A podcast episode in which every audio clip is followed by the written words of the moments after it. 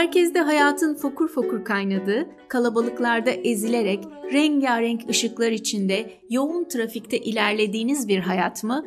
Yoksa kuş seslerine, hatta koyun ve keçi sürülerinin uzaktan gelen çıngıraklarına uyandığınız, pijamanızın üstüne geçirdiğiniz kabanınızla kedi ve köpekler eşliğinde elleriniz cebinizde yürüdüğünüz, deniz kenarında oturup cebinizdeki midye kabuklarına yenilerini eklediğiniz, canınız ne zaman ne istiyorsa onu yaptığınız başına buyruk bir hayat mı?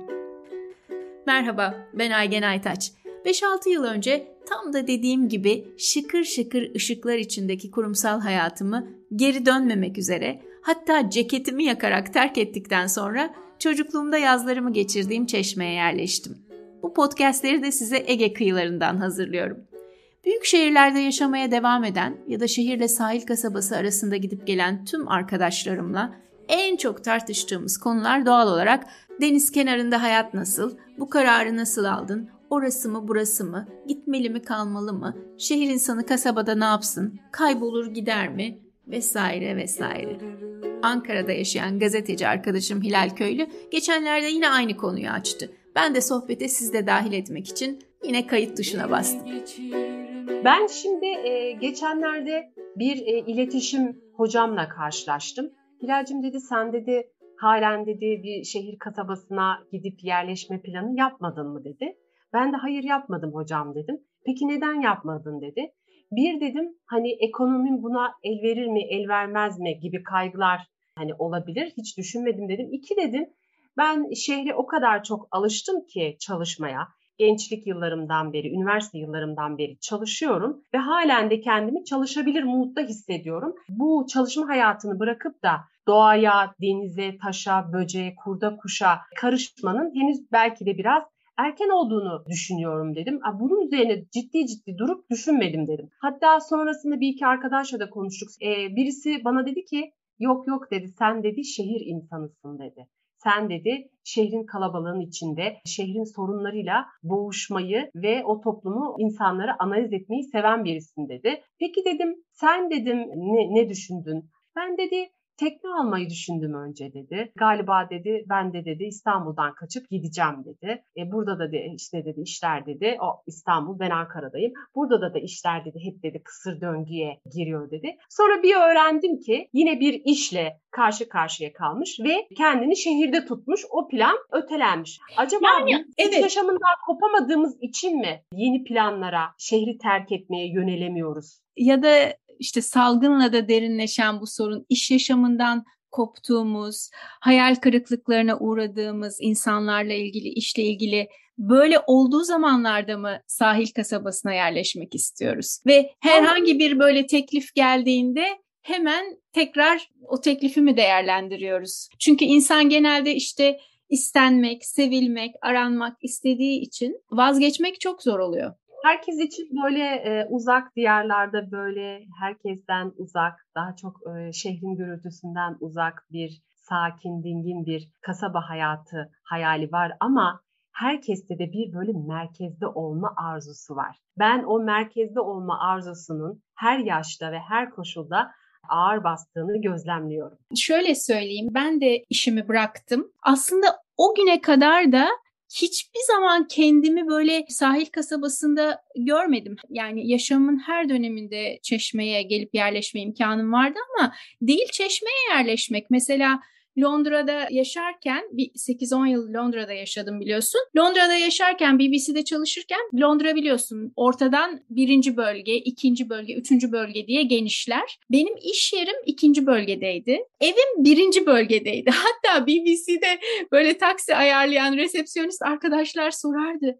ya sen nerede yaşıyorsun? Yani ben hep böyle hayalim eğer ben bir şehirde eğer ben bu dünyada yaşayacaksam o dünyanın en merkezi yerinde yaşamalıyım. Burası New York'sa New York, Londra ise Londra ve onların göbeğinde yaşamalıyım gibi bir derdim vardı. Şehrin karmaşası, iş yaşamındaki rekabetçi ortam, bizim kişisel hırslarımız, beklentilerimiz, iş yaşamının yine aslında hep eleştirdiğimiz, bize dayattığı böyle hep sıkı olma, çalışma, üretme, aç gözlü kapitalizmi besleme kamçısı ağır basıyor e, gibi geliyor bana. Yani hani... bence biz genç yaşlarda zaten bunun pek farkında olmuyoruz. Yani bizim genelde anne kuşağımız ev hanımı olduğu için genel olarak söylüyorum bizim annelerimiz. Onlar bizi o 60'larda yaşanılan o ho ho ho ho ver süpürür döver reklamlarını bizzat yaşayan kadınlar oldukları için böyle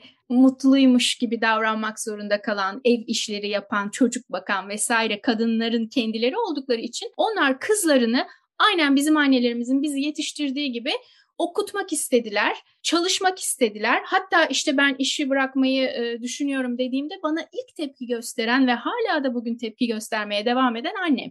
Dolayısıyla da biz zaten böyle bir kuşak tarafından yetiştirildiğimiz için öyle çok da fazla arkasını göremedik o hırsların, o kapitalizmin, işte başarma hırsının, iyi işlere girme, yarışma, ödüller alma vesaire televizyonlara çıkıp demeçler verme işte ya da senin durumunda gazeteci olma, oraya girme, çıkma, dünyayı dolaşma gibi hırsları yani kendimize dışarıdan bakmamız bence uzun yıllar aldı. Çok ama biz sonra bu süreçte bu hengamenin içinde şehrin merkezinde çalışım hayatının tam göbeğindeyken aynı Kavafis'in söylediği gibi nereye gidersek gidelim o duyguları içimizde taşıyacağımızı, aslında o şehrin kirini, pasını yine beraberimizde götüreceğimizi de gördük. Yani duygu dünyamızın bu metal dünyadan aslında çok daha önemli olduğunu da gördük. Ben aslında bunun tersini başardığımı düşünüyorum. Çünkü ben de mesela iş hayatından ayrıldıktan sonra bana bir sürü projede işte görev almam için teklifler geldi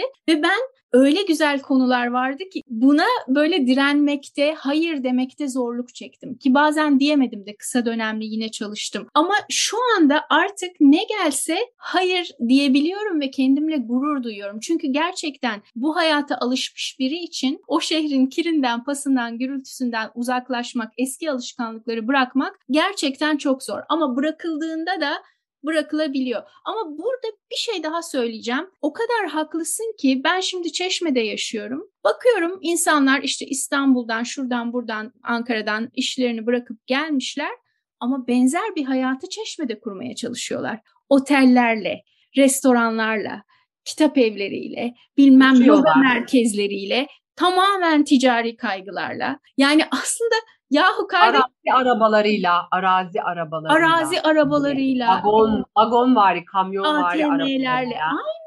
Püslü püslü bikinileriyle. Halbuki denize girmek için çok evet, da pahalı. Evet, lüks restoranlar, lüks e, beach club'lar bilmem neler. Yani ben artık gerçekten... Sonra bu tartışıldı, konuşuldu, gittiğimiz her yeri batırıyoruz dendi. Hani sonra evet. bir akım başlatıldı, gittiğimiz yerleri söylemeyelim ki hani koruyan insanlar olsun orada Doğrusu dendi. ben mesela ben de artık bir dağa kaçmak istiyorum. Bıktım bu trafikten. Yani tabii ki herkesin yüzmeye, temiz hava almaya hakkı var. Yani bunu Aynen. ama burayı şehre dönüştürmek ayrı bir kategori. Mesela en çok yazarlardan biri Ahmet Hamdi Tanpınar o mekanı mekan yapan, şehri şehir yapan, insanı insan kılan da hani aslında çok kıymetli e, bu yaşadığımız mekanlar, yerler. Ama bunun değerini ne kadar biliyoruz?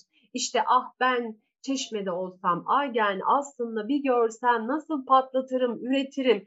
Ya da Aygencim ben Alaçatı'da olsam şunu yaparım, bunu yaparım da burada hiçbir şeye vakit bulamıyorum. Bu e, bunların hepsi bizim lakırtılarımız. Bence Yok ben de katılıyorum buna. Yani eğer bir insan e, ay ben işte dağ başına taşınayım da kitap yazayım diyorsa ben bunun en güzel örneğiyim. Böyle bir şey yok. Yani sen kitap yazacaksan memur olarak da ne e, dünyanın en meşgul insanı olsan da ki böyle edebiyat tarihi bunun örnekleriyle dolu yazarsın. Bütün İstedim yoganı da yaparsın, sporunu da yaparsın. Hatta benim bir patronum şöyle demişti geçmişte Birleşmiş Milletler'de ve ne kadar haklı olduğunu görüyorum. Eğer e, bir işin yapılmasını istiyorsan çevrendeki en meşgul insana vereceksin demişti. Ve ben bugün işi bıraktıktan sonra rahat bir hayat yaşarken şunu gördüm ki bazen benim bir faturayı ödemem haftalar alıyor ve çok meşgul olan çoluk çocuk sahibi, iş sahibi kardeşimden rica ediyorum. Sen benim yerime öder misin diye. Çünkü gerçekten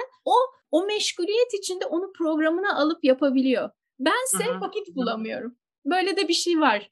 İnsanların kafasında böyle bir şeyler simgeleşiyor. İşte Çeşme'de yaşamak, Bodrum'da yaşamak, işte kitap yazmış olmak. İlla ki o kalıpların içinde yaşamak zorunda olmadığımızın da zaten e, biz farkına vardığımız için anlatıyor ve paylaşıyoruz. Ama buna rağmen buna rağmen bak ben demin dedim ya sana ah işte ben bıktım buranın şehirleşmesinden işte yazın e, herkesin e, pis maskelerini yerlere eldivenlerini yerlere atıp gitmesinden vesaire hani şikayet ediyorum.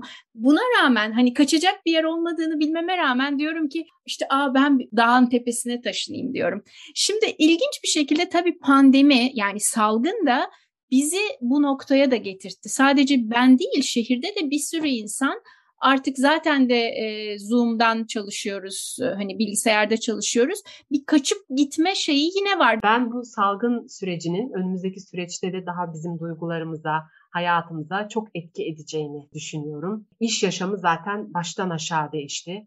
E, bu çok garip bir sürece e, bence tanıklık ediyoruz gerçekten hani bu hep filmler üzerine konuşuyorduk ya bence hani sen de hep diyorsun o filmleri evet. yaşıyoruz artık. Artık ben şeyden bıktım bu online alışveriş sitesi reklamı görmekten. Yani televizyonu aç, açtığın anda mutlaka bir e, online alışveriş e, sitesi reklamı. Bir şey izlemek. Ve o reklam seni çeşmede de buluyor Aygen. O, evet o reklam her yerde bilgisayarımı açıyorum bir şey okuyamıyorum buluyor. Hani her yerde buluyor. Black Mirror dizisinde vardı bir bölümünde biliyorsun. Böyle bir herkes bir odada yaşıyor ve ekranlarla kaplı oda ve ancak belli bir puanın varsa o reklamları izlemiyorsun. Hani aynen şimdi mesela YouTube'a üye olup reklamlardan muaf olmak gibi bir şey bu yani. Şuna geliyoruz artık kaçacak bir yer yok. Ankara'da da olsan, Bodrum'da da olsan seni hayatın o acımasız fırtınaları gelip yakalıyor. Yani belki de gerçekten böyle şey de yapan da var tabii ki. Yani tamamen teknolojiyle de ilgisini kesip köy hayatı yaşayanlar da var. İnternetsiz, telefonsuz. Var evet bunlar bunlar var. Nasıl var? Bunları nereden görüyoruz? Yine medyadan görüyoruz. Çok videolar yapılıyor o kişilerle ilgili falan. Sonra da diyorum ki işte bak kaçamamışlar. Bir gazeteci gitmiş onu bulmuş diyorum. Niye anlatıyor ki bunları diyorum. Neden evet. paylaşıyor ki diyorum. E, bir yakalanmak istemiş ki, bir yakalanmak istemiş ki diyorum. İşte Şehirden Kaçanlar dizisi yapılıyor. İyi de sen niye o dizide varsın o zaman kaçtıysan? Evet BBC'nin bir muhabiri var Ben Fogel diye bayılıyorum. Vahşi Doğada Yaşam sanırım dizinin adı. Öyle bir belgesel var. Yani değil hani kıra köye kaçmış artık o böyle her şeyi bırakıp Kanada'nın bir koyunda atık plastikler üzerinde kendine böyle bir ağaca bağlamış, denizin üstünde ev yapmış e, insanları buluyor, konuşuyor. Ama dediğin gibi onlar da işte bayılıyorlar geçmiş hayatlarını anlatmaya, o anki hayatlarını anlatmaya. Hele Türkiye'dekiler, hele Türkiye'dekiler. Hadi ben böyle hani doğanın içinde işte Afrika'nın bir köşelerinden muhabirler, gazeteciler gitmiş bulmuşlar. Onlar ne olduğunun nasıl bir dünya döndüğünün farkında değil. Hani ilk kez kamera görüyorlar belki ya da ilk kez mikrofon görüyorlar ama Türkiye'dekiler ve Avrupa'dakiler özellikle çok profesyoneller. Evlerini gösteriyorlar, bahçelerini gösteriyorlar. Ama şu var hep böyle komşunun tavuğu kaz görünür. Mesela ben bu Ben Fogel dizilerinden birinde işte bu Kanada'da deniz üstünde kendine ev kuran, ağaca bağlayan o evi e, bir adamla balığa çıkıyor. Tabii adam balık tutarak, küçük bir teknesi var, balık tutarak hayatta kalıyor. Ve bir sahnesinde işte küçük bir balık tutuyor. Ben Fogel da yanında çekerken ve diyor ki bizim için küçük diyor bu akşam yemeği için. Ben diyor şimdi bir kartal var. Onu çağıracağım, ona vereceğim bunu diyor. Ve gerçekten de bir ıslık çalıyor ve vahşi bir kartal dağın tepesinden, ormanın tepesinden uçup gelip adamın elinden balığı alıyor. Ve Ben Fogel ki ben aynen öyle onun gibi hissettim onu izlerken böyle gözleri doluyor. Diyor ki ben sen olmak istiyorum deyip sarılıyor adama. Yani aslında tabii biz bunu söylerken ben de mesela Çeşme'ye taşındıktan sonra daha önceleri korktuğum, yüzüne bakmadığım hayvanlarla haşır neşir oldum ve hatta çok onlarla birlikte yaşamaya başladım. Sokak köpekleri, sokak kedileri, kuşları, böcekleri ve e, bir yandan da işte mesela... O yüzden Aygen Ay Aytaç podcastleri çok ilginç, çok karşılaştırmalı, çok çelişkili de oluyor. Böyle hayatın farklı renkleri arasında. Bak senin reklamını yapıyorum. ama bak ama bu çelişki olmaz zaten. Için, yararlandığım için yapıyorum bu reklamı. Aa, çok teşekkür ederim. Ama zaten bu, ben bu çelişkilerin ortaya çıkması için ben kendim zaten kendi içimdeki çelişkilere biliyorsun çok meraklıyım. Sürekli sorguluyorum. Hani seni, beni, hepimizi, bütün konuştuklarımızı ve yaptıklarımızı. Bir yandan da yani ben Çeşme'ye taşındıktan sonra doğayı keşfettim. Zamanında böyle basıp geçtiğim çiçeklerin ne kadar güzel olduğunu. Mesela duvardan bir çiçek çıksa ya böyle gözlerimin dolduğu oldu ya dedim ya ben bunun resmini bile çizemem fotoğrafını çeksem aynı şeyi yakalayamam o canlılığı o güzelliği yani gerçekten insana böyle bir hani doğaya dikkat ettiğinde bir kendini bilme hissi de geliyor. Keşif yapmak, o keşif yapmak hep olacak e, elbette ki ama bizim bu konuşmalarımızdan benim çıkardığım mesaj bir yerde hayatın bir sayfasını kapatıp aa şimdi keşfe başlıyoruz gibi bir olayımız yok. Yok. Tamam bir şey ateşleyecek fitili bir an gelecek. Belki taşınmak durumunda kalacağız veya işte taşınmadan yapacağız bunu. Bir şekilde hayatın rotası değişecek. Yol başka bir yere akacak. Ama önemli olan akışın içinde olup gitmek. Çok da böyle Aa işte emekli olunca veya 35 yaşında veya işte attım 75 yaşında veya 55 yaşında şuraya gideceğim diyerek olmuyor böyle bir şey. Biz hepimiz arayıştayız. Ararken çok bambaşka şeyler bulmayacağız. Ararken kendimizi göreceğiz. Ben onu çok hissediyorum. Doğru. Çok ee, ben doğru. Ne, ne yapıyorum derken bak Kavafis şehir şiirinin başında diyor ki bir başka ülkeye bir başka denize giderim dedin. Bundan daha iyi bir başka şehir bulunur elbet. Her çabam kaderin olumsuz bir yargısıyla karşı karşıya.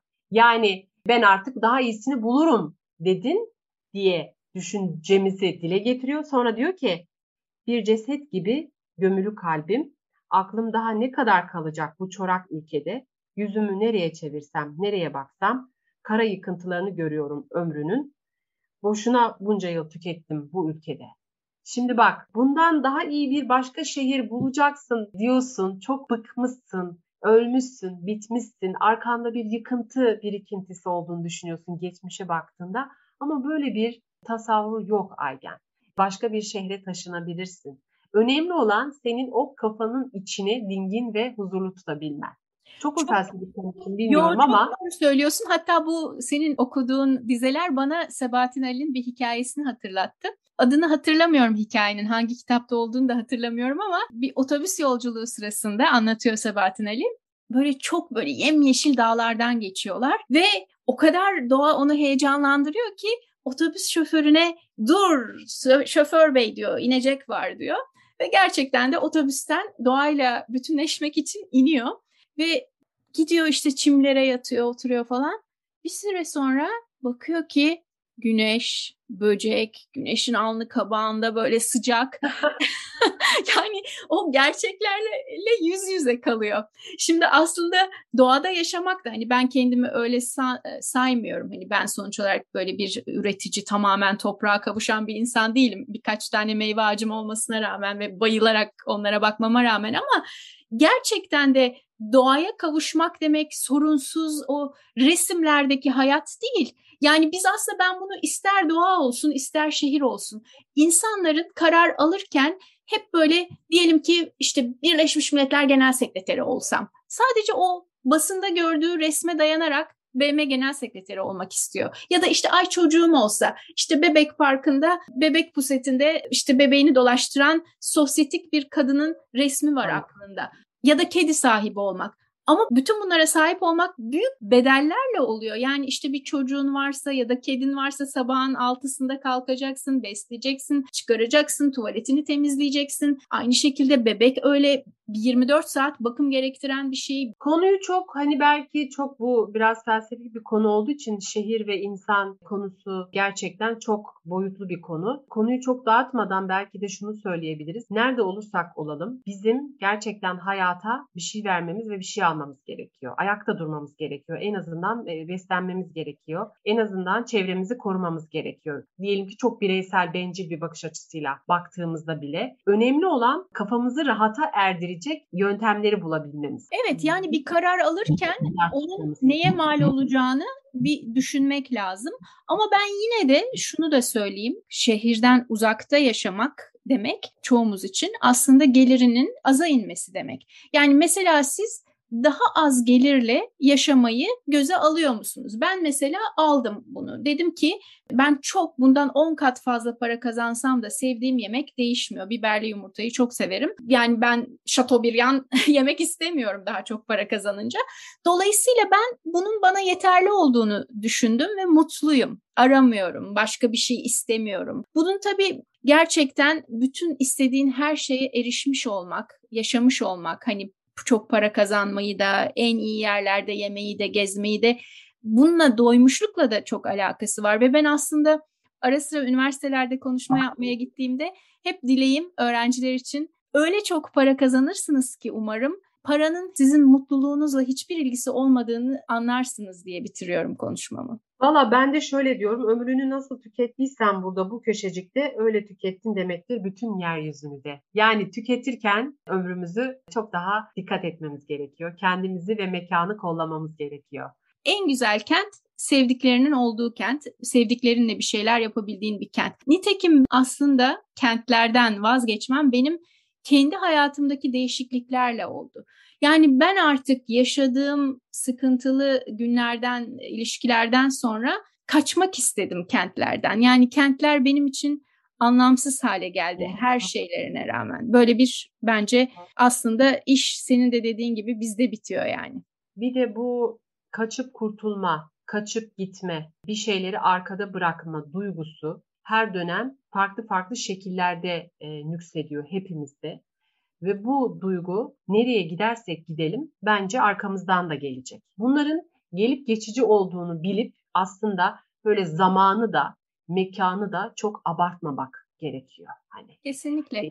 Bir de ben mesela e, her şeyi bırakıp gidebilen bir insanım. Hiç arkama bakmadan ve gerçekten çok ülke değiştirdim, şehir değiştirdim. Ama mesela hiç şehir değiştirmeyen, sen de bunlardan birisin ve değiştirmek istemeyen insanlar da var. imkanları olsa da. Yani değil mi? kaçıp gitme duygusu bende de hani oluyor. Bu son zamanlarda daha çok oluyor. Bu herkeste oluyor. Senin dediğin gibi salgının çok büyük etkisi var. Bir de tabii yaşadığımız kutuplaşmış ortamın çok etkisi var. Ne yazık ki günümüz Türkiye'sinde burası burada belki biraz politika yapacağız ama böyle e, bir sağ tribüne geçmiş insan grubu var. Bir sol tribüne, bir orta tribüne. Yani bir stadyum havasında yaşayan insanlar grubu var. Ne yazık ki ortada tribün göremiyorum ben bir de artık. Ortada tribün bile yok artık. Ve Ortadaysan bunlar... zaten her iki tarafta seni linç ediyor. Çok kötü bir kör dö- dövüş var ortada. Bunun ideolojik de olmadığını düşünüyorum. Duygusal olduğunu düşünüyorum daha çok. Psikolojik olduğunu düşünüyorum. Ve e, üretmeden, durup düşünmeden sadece saldıran makinelere dönmüş insanlar var. Bu yüzden hayatın perde arkasında Bence kaçıp kurtulma duygusundan öte huzura erme duygusu var. Gidelim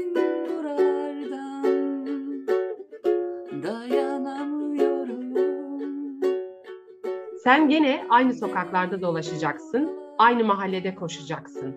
Aynı evlerde kır düşecek saçlarına, dönüp dolaşıp bu şehre geleceksin sonunda. Başka bir şey umma, ömrünü nasıl hedeflediysen burada bu köşecikte öyle tükettin demektir bütün yeryüzünde. Şimdi burada Kavafis'in ne demek istediği üzerine